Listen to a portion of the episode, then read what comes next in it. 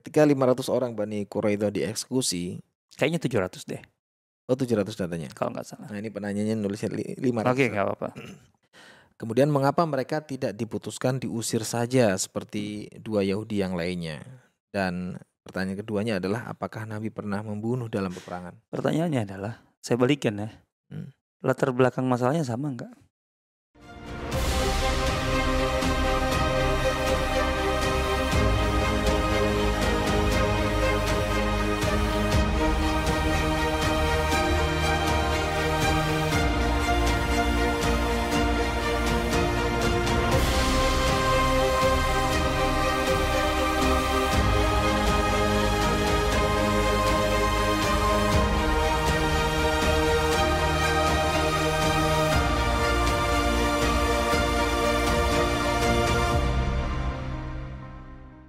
Assalamualaikum warahmatullahi wabarakatuh. Alhamdulillah wassalatu wassalamu ala Rasulillah wa ala alihi wa mawalah wa ba'd.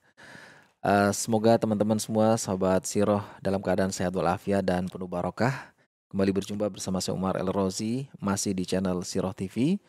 eh, channel yang menyajikan sajian ilmu seputar Siroh Nabawiyah dan sejarah peradaban Islam. Ada banyak topik yang teman-teman bisa nikmati di sini ya, baik seputar eh, nama atau biografi termasuk juga peristiwa sejarah peradaban Islam. Teman-teman bisa nikmati dalam bentuk eh, playlist yang kami telah sediakan. Dan insya Allah di kesempatan kali ini kita akan kembali belajar tentang eh, topik-topik yang pernah kita sampaikan dan kali ini dengan format yang mungkin jauh lebih sederhana, yakni dengan eh, Q&A atau menjawab pertanyaan-pertanyaan yang masuk ke meja redaksi kami, baik lewat YouTube ataupun media sosial yang lain.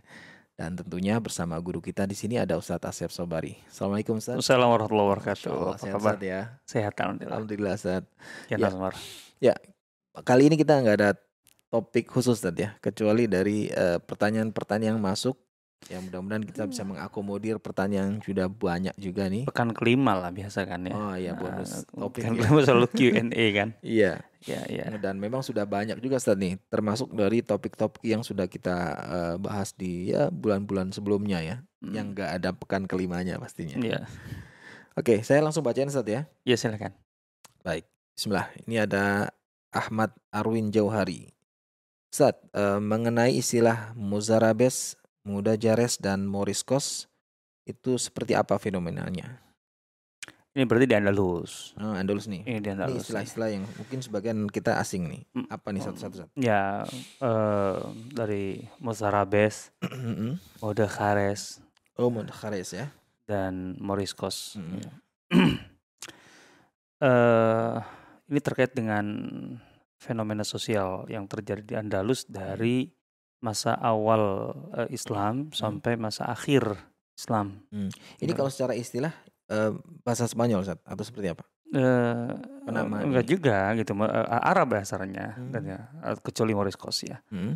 Jadi kalau Mozarabes dari musta, eh, musta'arib. Ya, Musta'arib tuh jadi kata Arab. ya. Kemudian Mudakhar dari Mudajan. Mudajan dari Mudakhar. Hmm. Kemudian kalau Moriscos itu memang eh, itu dari Moro. Gitu. Kata Moro kemudian jadi Moriscos. Gitu. Eh, jadi gini, ketika eh, ya secara umum kan Andalus itu 800 tahun lah Hmm. totalnya ya. Hmm. Uh, kita kita bicara tentang politiknya ya, kekuasaan umat Islam berdiri Hmm. di Andalus itu totalnya totalnya 800 tahun lebih kurang. Hmm. Tapi keberadaan kaum muslimin di Andalus lebih dari itu. Hmm. Karena setelah Granada jatuh tahun 1492, Hmm. kaum muslimin masih ada 100 Hmm. 140 tahun berikutnya pun masih ada gitu ya. Eh, ya paling tidak paling tidak puncak eh, keberadaan kaum muslimin sebagai eh, keberadaannya ya Entitas ya. sebagai entitas bagi masyarakat Hmm. yang ada di situ tahun 1600 eh, awal 1600 lah 1609 ketika inkuisisi puncak inkuisisi setelah itu kan dipaksa masuk Nasrani dan artinya secara masif gitu ya Hmm. sebelumnya juga sudah ada tapi hmm, masifnya di situ di tahun 1609 gitu ya eh atau harus keluar dari Andalus kan itu. Hmm. Akhirnya mereka banyak yang masuk ke atau ke ke wilayah terpencil ke gunung-gunung gitu loh. Hmm.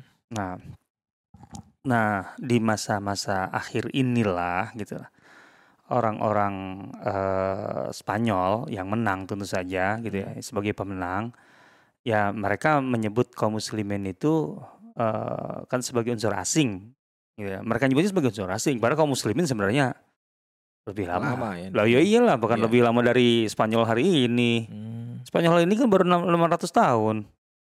Dari tahun 1400 Hmm. Kan taruhlah gitu ya, hampir 1500 kan. Eh, sampai sekarang kan baru 500 tahun sebenarnya. Nah, kaum muslimin 800 tahun lebih tua. Hmm. nah, mereka peradaban juga masih eh sebagian tersisa sampai Oh iya ya, kalau Hmm. kalau kalau jejak peradaban Islam sangat Iya. kuat sekali, kuat sekali. Terutama dalam bahasa Spanyol jelas Hmm. ya, ada sampai hari ini masih ada tiga ribuan serapan eh, kosakata Arab dalam bahasa Spanyol. termasuk kota-kotanya saat. Oh, oh, itu lain lagi ini nggak- kalau nama-namanya apalagi gitu, kalau Hmm. ditambah itu enggak kosakatanya gitu. Hmm. Eh, jadi kaum muslimin yang terakhir-terakhir itu Hmm. otomatis lah sebagai pemenang memperlakukan seenaknya lah gitu loh. Hmm. Nah, mereka kemudian eh ya menyebut kaum muslimin itu sebagai asing, kecil, kerdil, lemah gitu. Makanya dari sekedar mor, moro gitu ya. Jadi kemudian jadi eh moriscos. Jadi moriscos itu sebenarnya adalah eh bahasa hinaan sih gitu loh. Moriscos Hmm. itu, kaum moriscos gitu ya. Itu hinaan sebenarnya bukan sekedar identitas gitu ya. Hmm. Makanya eh apa namanya keturunan-keturunan eh Andalus yang kemudian pindah ke Maroko contohnya yang intelek ya kalau kelompok intelektualnya gitu enggak enggak suka dibilang Moriscos gitu. Kami nggak Hmm. pernah rela disebut Moriski. Hmm. Gitu lah. Eh, Moriski maksudnya orang-orang Moriscos gitu ya. Hmm. Nah, itu. itu sebutan dari orang eh, Mm-mm. Spanyol untuk kaum muslimin. Ya, iya, iya, iya. Ya itu gitu lah. Hmm. Sementara eh, sebelum itu artinya ketika kaum muslimin masih eh, memiliki institusi atau lembaga eh, politik di sana, artinya Hmm. ada ada ada daulah Islam yang masih berdiri, tapi beberapa wilayah eh, yang lain sudah jatuh. Bagaimanapun kan eh, apa namanya penguasa-penguasa Katolik tidak tidak bisa leluasa eh, seperti setelah semuanya di tangan mereka kan. Ah, kaum muslimin sudah posisinya sudah lemah di daerah yang ditaklukkan otomatis gitu ya.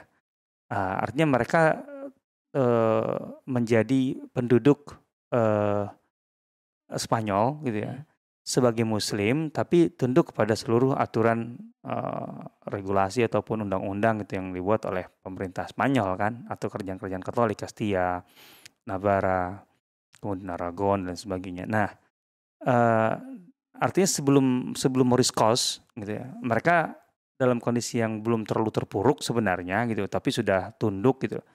Eh, intinya kaum muslimin di situ beradaptasi dengan berbagai aturan baru dan lain sebagainya dan ya otomatis mengorbankan beberapa hal prinsip dalam Islam kan ya. Ya mereka akhirnya untuk bertahan hidup gitu.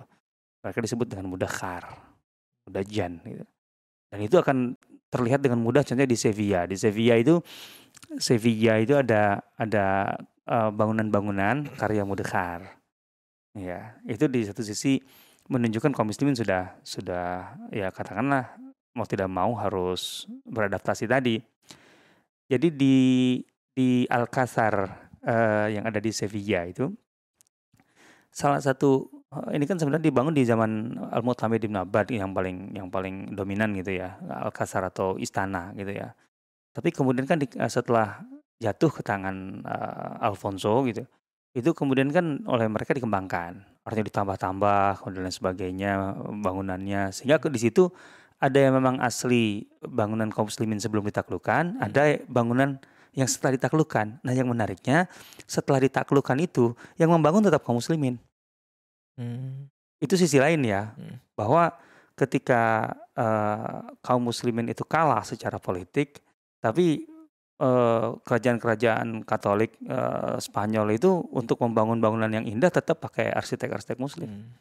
Belum bisa mereka Hmm, bikin eh, arsitektur yang indah, belum bisa, gagal kok. Di, eh, sebelumnya di Cordoba gagal dan sebagainya. Mereka malu kok, gitu loh. Sampai di ini lagi, dirobohkan lagi, Hmm. gitu ya.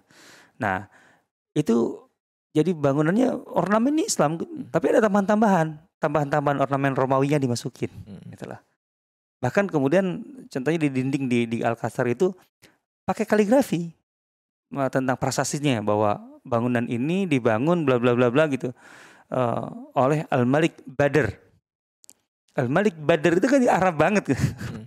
Padahal maksudnya Pedro. Oh, gitu. iya. Nah, itu udah kar. Jadilah jadi kaligrafi tapi ini prasasti prasasti eh, Katolik dalam arti hmm. kerajaan Katolik gitu, gitu. Al Malik Badr gitu. Saya masih ketawa kerajaan Malik. Maksudnya kan Raja Pedro memang yang bangun itu. Karena itu bangunan bukan bukan bangunan masa uh, kaum muslimin sebagai penguasa tapi sudah di masa uh, Katolik yang berkuasa. Hmm. Nah, itu udah khar tuh kayak gitu. Jadi kaum muslimin sudah mulai kehilangan identitasnya lah gitu ya. Hmm. Walaupun mereka tidak tergantikan dalam berbagai ini terutama dalam pertanian arsitektur gitu loh uh, yang kayak gitu dan secara umum penguasaan keilmuan itu masih hmm. masih di masa Mudekhar itu masih kaum muslimin gitu. uh, artinya peran keilmuannya masih tinggi gitu loh peran politiknya habis gitu loh nah uh, nah ketika kaum muslimin masih sangat-sangat kuat gitu loh hmm. justru yang terjadi sebaliknya dan itu beratus-ratus tahun orang-orang Katolik Spanyol penduduk Spanyol itu pokoknya selain akidah hmm. gitu lah. Mereka tuh udah kayak kaum muslimin. Hmm. Selain secara, akidah Secara penampilan. Semua. Hmm. Semua. Bahasa juga, Sat. Ya iya. Bahkan uh, siapa um, Alvaro di Cordoba itu sampai sampai uh, apa namanya menjerit dia gitu ya. Seorang intelektual Katolik gitu loh di Cordoba itu.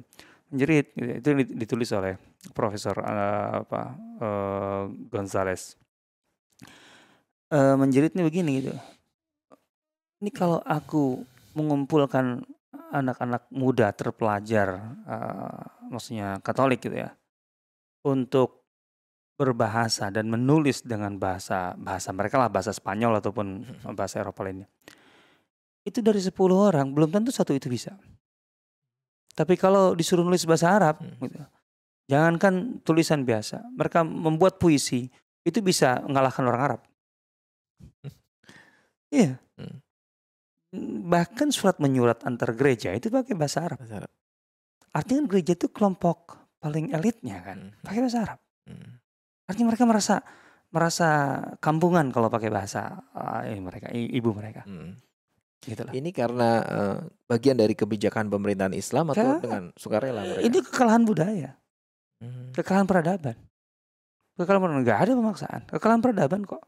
Lah terus antar gereja ngapain juga pakai bahasa Arab? Hmm. Oh iya iya. Enggak ada aturan hmm. yang kemudian antar sama mereka kok. Hmm. Gitu lah. Nah ini disebut dengan musarabes, ke Arab-Araban. Jadi dulu beratus-ratus tahun. Bangga betul kalau kalau bergaya Arab. Hmm. Gitu. Bergaya kaum muslimin maksudnya. Gitu Artinya kontra banget ya antara Musarabes dan Moriscos tadi saat ya. Oh iya jelas, jelas dong. Karena memang sudah berbeda kan. Hmm. Peradaban Islam ketika berada di atas dan kemudian sudah hmm. jatuh kan. Baik, eh, demikian ya untuk Mas Ahmad Arwin Johari. Semoga tercerahkan. Ada pertanyaan berikutnya dari Lam Tiur.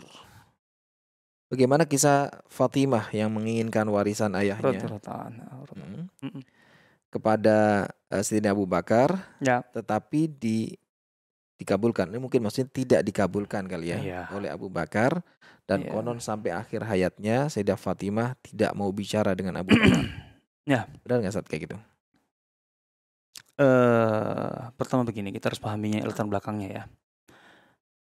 Uh, siapa pun yang mempelajari sejarah penyusunan hadis, kodifikasi hadis itu akan paham bahwa uh, hadis itu atau hadis-hadis Rasulullah SAW itu tidak tidak serta merta gitu atau dari awal merata dalam arti di, di, diketahui oleh semua sahabat. Ya jangankan hadis, Kan ketika Rasulullah SAW hidup gitu atau ketika menjelang wafat gitu, kan nggak banyak sahabat yang sudah hafal Al-Quran total sepenuhnya 30 juz. Ya wajar. Karena kan Al-Quran diturunkan secara bertahap dan uh, bertahap dan secara terpisah gitu di beberapa uh, lokasi, di beberapa kesempatan, di mana tidak setiap Al-Quran itu turun para sahabat ada semua. Para sahabat kan aktivitasnya normal yang dagang-dagang hmm. gitu kan yang bertani-bertani sebagaimana kata-kata Abu Hurairah gitu loh ketika ditanya e, kenapa engkau bisa menghafal banyak hadis padahal engkau berkata belakangan masuk Islam kan tahun, tahun 7 setelah setelah Khaybar kan uh, kata uh, Abu uh, Abu Hurairah. Hmm. Ya karena saudara-saudaraku yang uh, muhajirin sibuk dengan perdagangannya. Dagang, ya. Sementara Ansar sibuk dengan kebunnya. Lah aku berkata emang sengaja aku memang ingin tinggalnya di masjid. Walaupun ibaratnya cuma 4 tahun tapi ya aku setiap saat 24 jam misalnya nggak pernah nggak pernah uh, pisah dari Rasulullah SAW gitu kan wajar kan gitu. Nah, yang penting gambaran yang diberikan Abu Hurairah itu bahwa kaum muslimin aktivitasnya normal kok. Yang dagang-dagang, yang kebun dan lain sebagainya.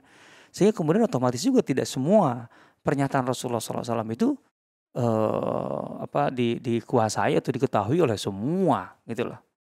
Artinya tidak setiap uh, pernyataan Rasul otomatis akan akan disebarkan gitu atau hmm. diumumkan bahwa hmm. ini ini pernyataan Rasulullah SAW hari ini hmm. uh, kan nggak begitu belum gitu ada broadcast juga kan belum ada belum ada dan ini uh, bisa kita uh, telusuri kok artinya kasusnya banyak yang kayak gini gitu jadi ketika uh, Fatimah radhiyallahu anha uh, meminta apa bag, pembagian warisan gitu. hmm. dalam riwayat lain Bukan hanya Fatimah, dengan Abbas.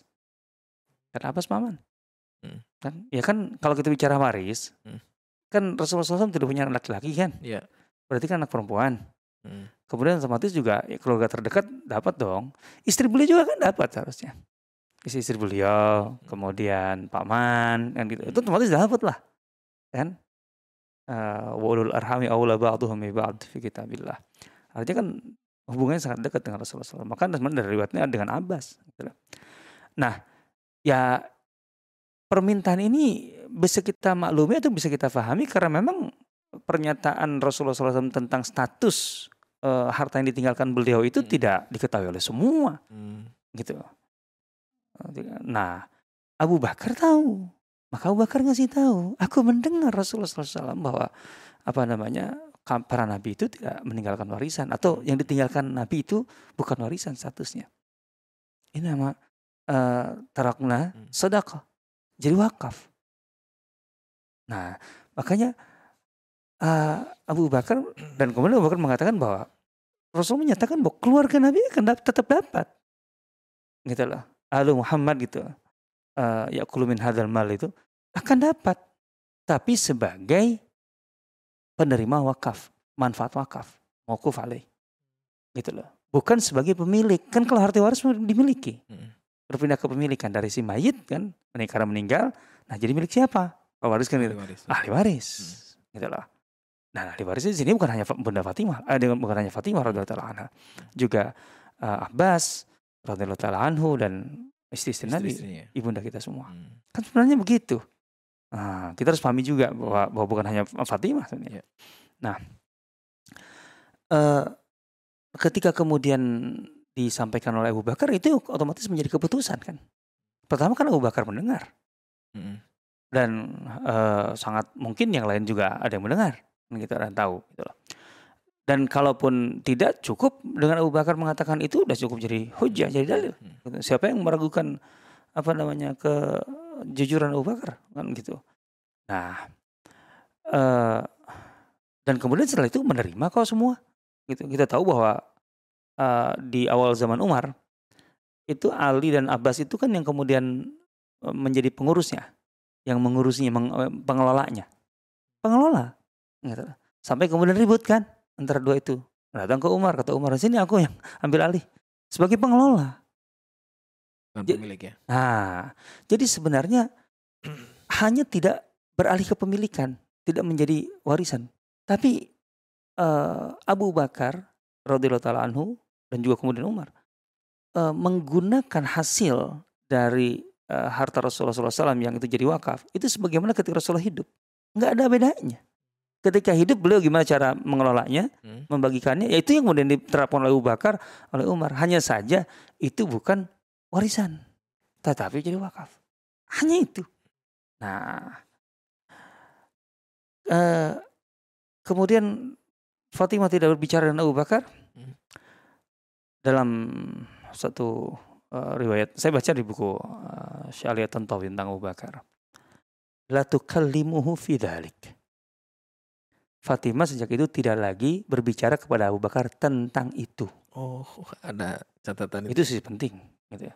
Hmm. Kalaupun kemudian Fatimah tidak berbicara sama sekali, ya, walaupun wallahualam ini uh, apa sesaklak apa ini, kalaupun ada gitu lah. Hmm. Pertama, Bunda Fatimah uh, secara apa namanya um, psikologis kan shock berat setelah wafatnya Rasulullah SAW. Hmm. Gitu loh. Ya jangan kan Bunda Fatimah. Bunda Saudah aja kan. Hampir gak pernah keluar rumah dan lain sebagainya. Sok luar biasa. Dan Bunda Fatimah, eh, Fatimah kan radhiyallahu taala anaknya 6 bulan saja. Setelah Rasul wafat ya, kemudian ya. nyusul. Hmm. Gitu loh. Hmm. Tapi yang jelas yang saya baca tuh la tukallimuhu fidalik. Ada fidaliknya. Ya. Iya. Jadi tidak lagi uh, membicarakan masalah ini kepada Abu Bakar. Ya sudah, selesai. Oke. Okay. Clear kamu saya itu kalaupun ternyata difahami tidak berbicara dengan Abu Bakar juga sangat mungkin ya. ya dan karena, karena alasan ya hmm. secara psikologis sebagai kehilangan sang ayah ya, siapa yang ya.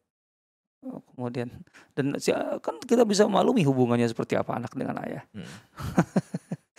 hal ini apalagi Fatimah dengan Rasulullah SAW. Ada keywordnya tadi ya kata-katanya. Hmm.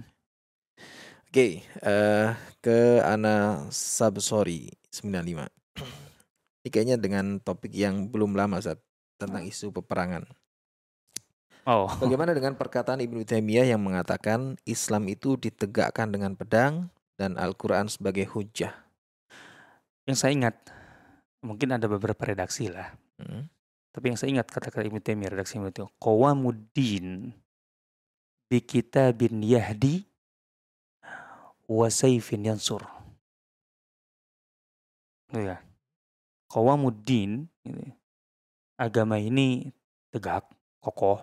Qawamuddin di kitabin yahdi dengan uh, Alkitab, Al-Quran gitu, yang berfungsi sebagai petunjuk yang efektif gitu loh.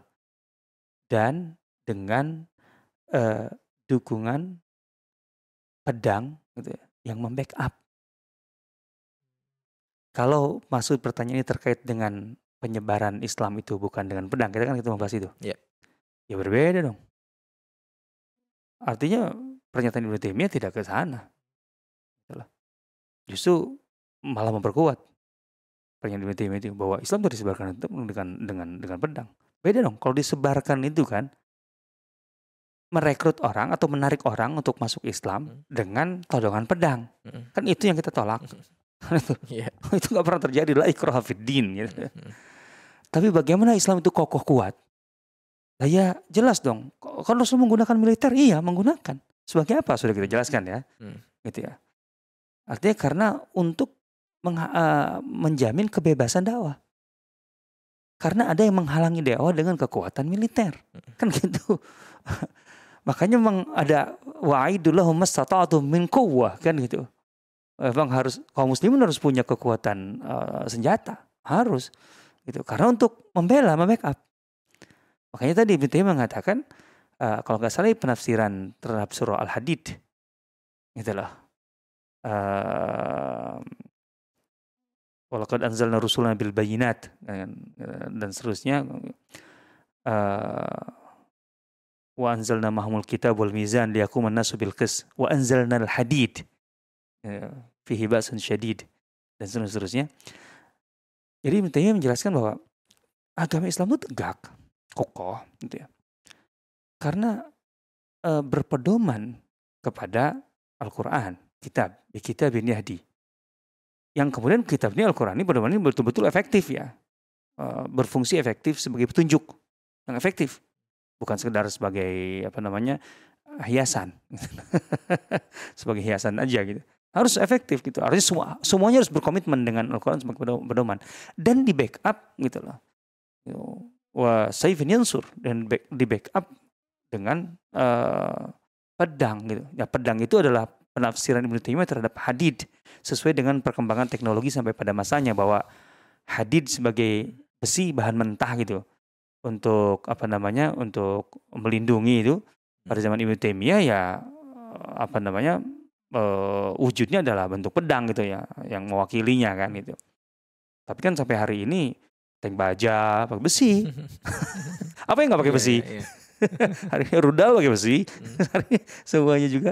Kapal selam pakai besi walaupun nyelam nggak tenggelam pakai besi semua. Gitu kan. Karena bahan baku itu. Gitu. Hmm. Nah, itu maksudnya. Gitu. Masih seputar isu peperangan nih, Ustaz. Hmm. Ketika 500 orang Bani Quraidah dieksekusi, Kayaknya 700 deh oh 700 datanya. kalau nggak salah. Nah, ini penanyanya nulisnya li- 500. Oke, Ustaz. nggak apa-apa. Kemudian mengapa mereka tidak diputuskan diusir saja seperti dua Yahudi yang lainnya? Dan pertanyaan keduanya adalah apakah Nabi pernah membunuh dalam peperangan? Pertanyaannya adalah, saya balikin ya. Hmm. Latar belakang masalahnya sama nggak? Ya kan ken- kenapa nggak disamakan saja Iya, dengan iya. dengan dengan Bani Qainuqa dengan Bani Nadir Hmm. gitu. Sekarang peran Bani Quraidah apakah sama dengan Bani Qainuqa Bani Nadir? Eh Bani Quraidah eh, sorry, Bani peran Bani Quraidah. Hmm. apakah sama Eh, dari bobotnya Hmm. gitu loh. Eh apa namanya sisi eh, bahayanya Hmm. dan lain sebagainya. Hmm. Bani Quraidah itu kan kelompok Yahudi ketiga yang terakhir gitu loh. Yang tentu saja di satu sisi mengambil pelajaran dari Kainuqa yang sudah diusir Hmm. kan itu. Hmm. Kemudian ditambah Nadir, Nadir. diusir kan Ya. itu. Karena penglihatan-penglihatan mereka. kan. Hmm. Dan setiap kali ada kasus ini Rasulullah SAW memperbaiki dalam arti memperkuat eh, perjanjian yang sudah sebelumnya sudah ada piagam Madinah itu. Hmm. Itu terus diperkuat berkali-kali untuk tidak terjadi pengkhianatan. Hmm. Itu tentu itu penting gitu loh. Kan kelompok terakhir ini. Berikutnya apa yang dilakukan oleh Bani Quraidah sehingga kemudian dijatuhi hukuman seperti itu? Kan mereka bergabung dengan Ahzab. Hmm. Gitu. Bergabung dengan Ahzab yang menyerang Madinah. Eh, di mana kaum muslimin sampai bertahan di dalam kota dengan menggali parit. Karena nggak mungkin menghadapi pasukan Ahzab itu. Artinya realistis dalam hal ini. Pertahanan Rasulullah SAW berdasarkan, pertimbangan realistis loh. Pilihan pertahanannya dengan menggali parit. Tidak menyongsong pasukan. Gitu loh. Karena 10 ribu. Melawan 2 ribu, 3 ribu aja. Habis. Gitu loh. Nah, artinya pertanyaan begini. Kalau Ahzab itu sukses dengan proyek mereka, rencana mereka. Kira-kira apa apa namanya Nasib eh, kaum nasib muslimin. kaum muslimin? Iya. Rata dengan tanah. Iya. Beda dengan Kainuqa, beda dengan Nadir. Artinya tidak tidak seberat itu bobotnya. Bagaimanapun tidak seberat itu. Hmm. Gitu loh. Nah, dalam suatu situasi seperti itu, sebenarnya kan justru dengan perjanjian yang ada dengan Bani Quraidah, Quraidah harus menjadi bagian dari eh, pertahanan kaum muslimin dalam piagam Madinah. Hmm. Kan tidak boleh menolong atau membantu musuh yang melawan. Dan bahkan eh, setiap kelompok yang ada di Madinah, kita, kita kembali ke piagam Madinah, itu harus saling mendukung gitu. Ketika diserang oleh musuhnya, kelompok mana pun. Artinya kalau yang diserang itu Yahudi, maka kaum muslimin akan di, oh, Yahudi Madinah maksudnya ya. Hmm. Dengan piagam Madinah itu akan membela eh, Yahudi Madinah sebagai citizen. Sebagai bagian dari penduduk Madinah karena eh, ini tentu saja akan berdampak luas kepada seluruh eh, isi kota Madinah kan. Kelompoknya mana pun gitu loh. Dalam perjanjian Madinah itu ada itu dan kurang apa itu. Lah, dengan perjanjian yang seperti itu justru yang dilakukan oleh Bani Quraidah adalah bergabung dengan Ahzab. Yang tadi kalau Ahzab saja tanpa mereka berhasil, itu Madinah udah dengan tanah. Nah ini mereka masuk. Artinya coba kalau berhasil, apa yang apa yang jadi? Apa jadinya? Kan dibantai, pembantaian.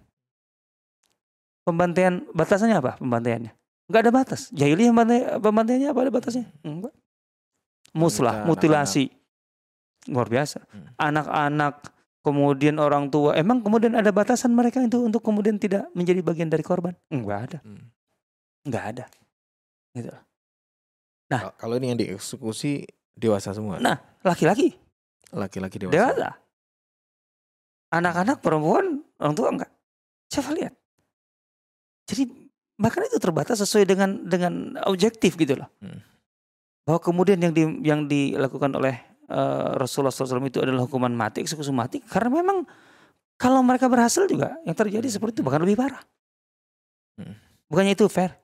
Ya. Sederhana. gitu lah. Logikanya sederhana. Ya. Nabi pernah membunuh nggak, Pernah. Dalam peperangan Dalam, catatannya. Uh, iya, perang Uhud. Uh, kalau nggak salah, uh, Ubay bin Khalaf itu dibunuh beliau. Itu yang saya ingat ya. ya. Kalau ada uh, yang apa namanya, kalau kalau keliru tolong koreksi. Itu yang singkat saya itu. Baik. Satu pertanyaan terakhir mungkin Ustaz. Masih banyak sebenarnya pertanyaan ini. Waktunya nggak banyak. Oke, Fahri Virus 8772. Ustaz, bagaimana cara efektif untuk mendalami sejarah Islam di tengah kesibukan ya. Apakah cukup dengan membaca buku ataukah bisa dengan media lain? Bentar bentar bentar. Hmm. mohon ulang. Oke. Perlu ada yang perlu digaris iya. kayak kasih spidol. Bagaimana cara Stabilo, efektif? sorry. oke. Bagaimana cara efektif untuk mendalami sejarah Stop. Islam? Mendalami. Iya. Iya kan? Hmm. itu yang saya yang Inggris bawahi. Bagaimana cara efektif untuk mendalami? Di tengah kesibukan. Uh, hmm ini cuma kita, saran. Kita nih gak, gak sibuk saat kita kita ya. Santai aja. Oke. Okay. Saran saya uh. jadikan sejarah Islam sebagai bagian dari kesibukan itu. Bagian dari kesibukan ya? Iya dong. Karena tadi mendalami. Ya? ingin mendalami kan? Saya nggak kebayang soalnya kalau mendalami hmm. dengan sambilan. Aduh, ya saya tidak berani untuk kemudian apa namanya uh, mengangkat pengalaman pribadi gitu loh. Hmm. Uh, dalam arti hmm, saya kalau baca artinya fokus saya ke situ gitu loh. Uh, itu aja saya masih merasa jauh dari kata mendalami gitu loh. Tapi kan beda-beda orang kan, hmm. gitu ada yang hmm. punya kemampuan speed reading, Wah. ada yang punya kemampuan analisa yang cepat dan lain sebagainya. Tapi saran saya begitulah, kalau memang inginnya mendalami, itu hmm. mendalami, uh, bagaimana di tengah kesibukan gitu bisa mendalami uh, sirah atau sejarah Islam hmm. gitu. Ya kalau menurut saya bagukan, masukkan ini bagian dari kesibukan, kesibukan. itu, itulah. Sirah TV ini bisa menjadi bagian dari itu nggak Seth? Ya, bagian dari usaha untuk mendalami. Iya, mudah-mudahan. mudah-mudahan setidaknya gitu hmm. mungkin ada ada yang uh, coba kita angkat lebih dari uh, katakanlah yang sifatnya umum lah gitu ya. Hmm. Tema-tema yang sifatnya udah common sense lah, lebih kurang gitu kan. Hmm. Jadi kita coba untuk itu. Karena sebenarnya kalau kita ingin masuk ke pendalaman uh, wah itu luas sekali gitu ya. Hmm. Kita kan ada kelas pendalaman ya yeah. untuk sirah nabawiyah ya, tapi itu syaratnya sudah pernah ikut kelas ikut karena namanya juga pendalaman yeah. nanti repot kalau belum hmm. gitu loh. Nah intinya memang harus kalau memang mendalami udahlah masukkan ini bagian dari agenda kesibukan itu. itu sih saran saya. Baik Zat. Oke. Cukup sepertinya Zat ya. Walaupun uh, ini masih banyak beberapa pertanyaan yang belum kami bacakan. Jadi teman-teman silahkan bisa tulis ya permasalahan seputar sirah nabawiyah dan sejarah peradaban Islam di kolom komentar. Insya Allah kami akan coba akomodir untuk next episode. Dan kita harus akhiri dengan doa kafaratul majlis. Subhanakallahumma bihamdika asyhadu an la ilaha illa anta astaghfiruka wa atubu ilaik. Assalamualaikum warahmatullahi wabarakatuh. Waalaikumsalam warahmatullahi wabarakatuh.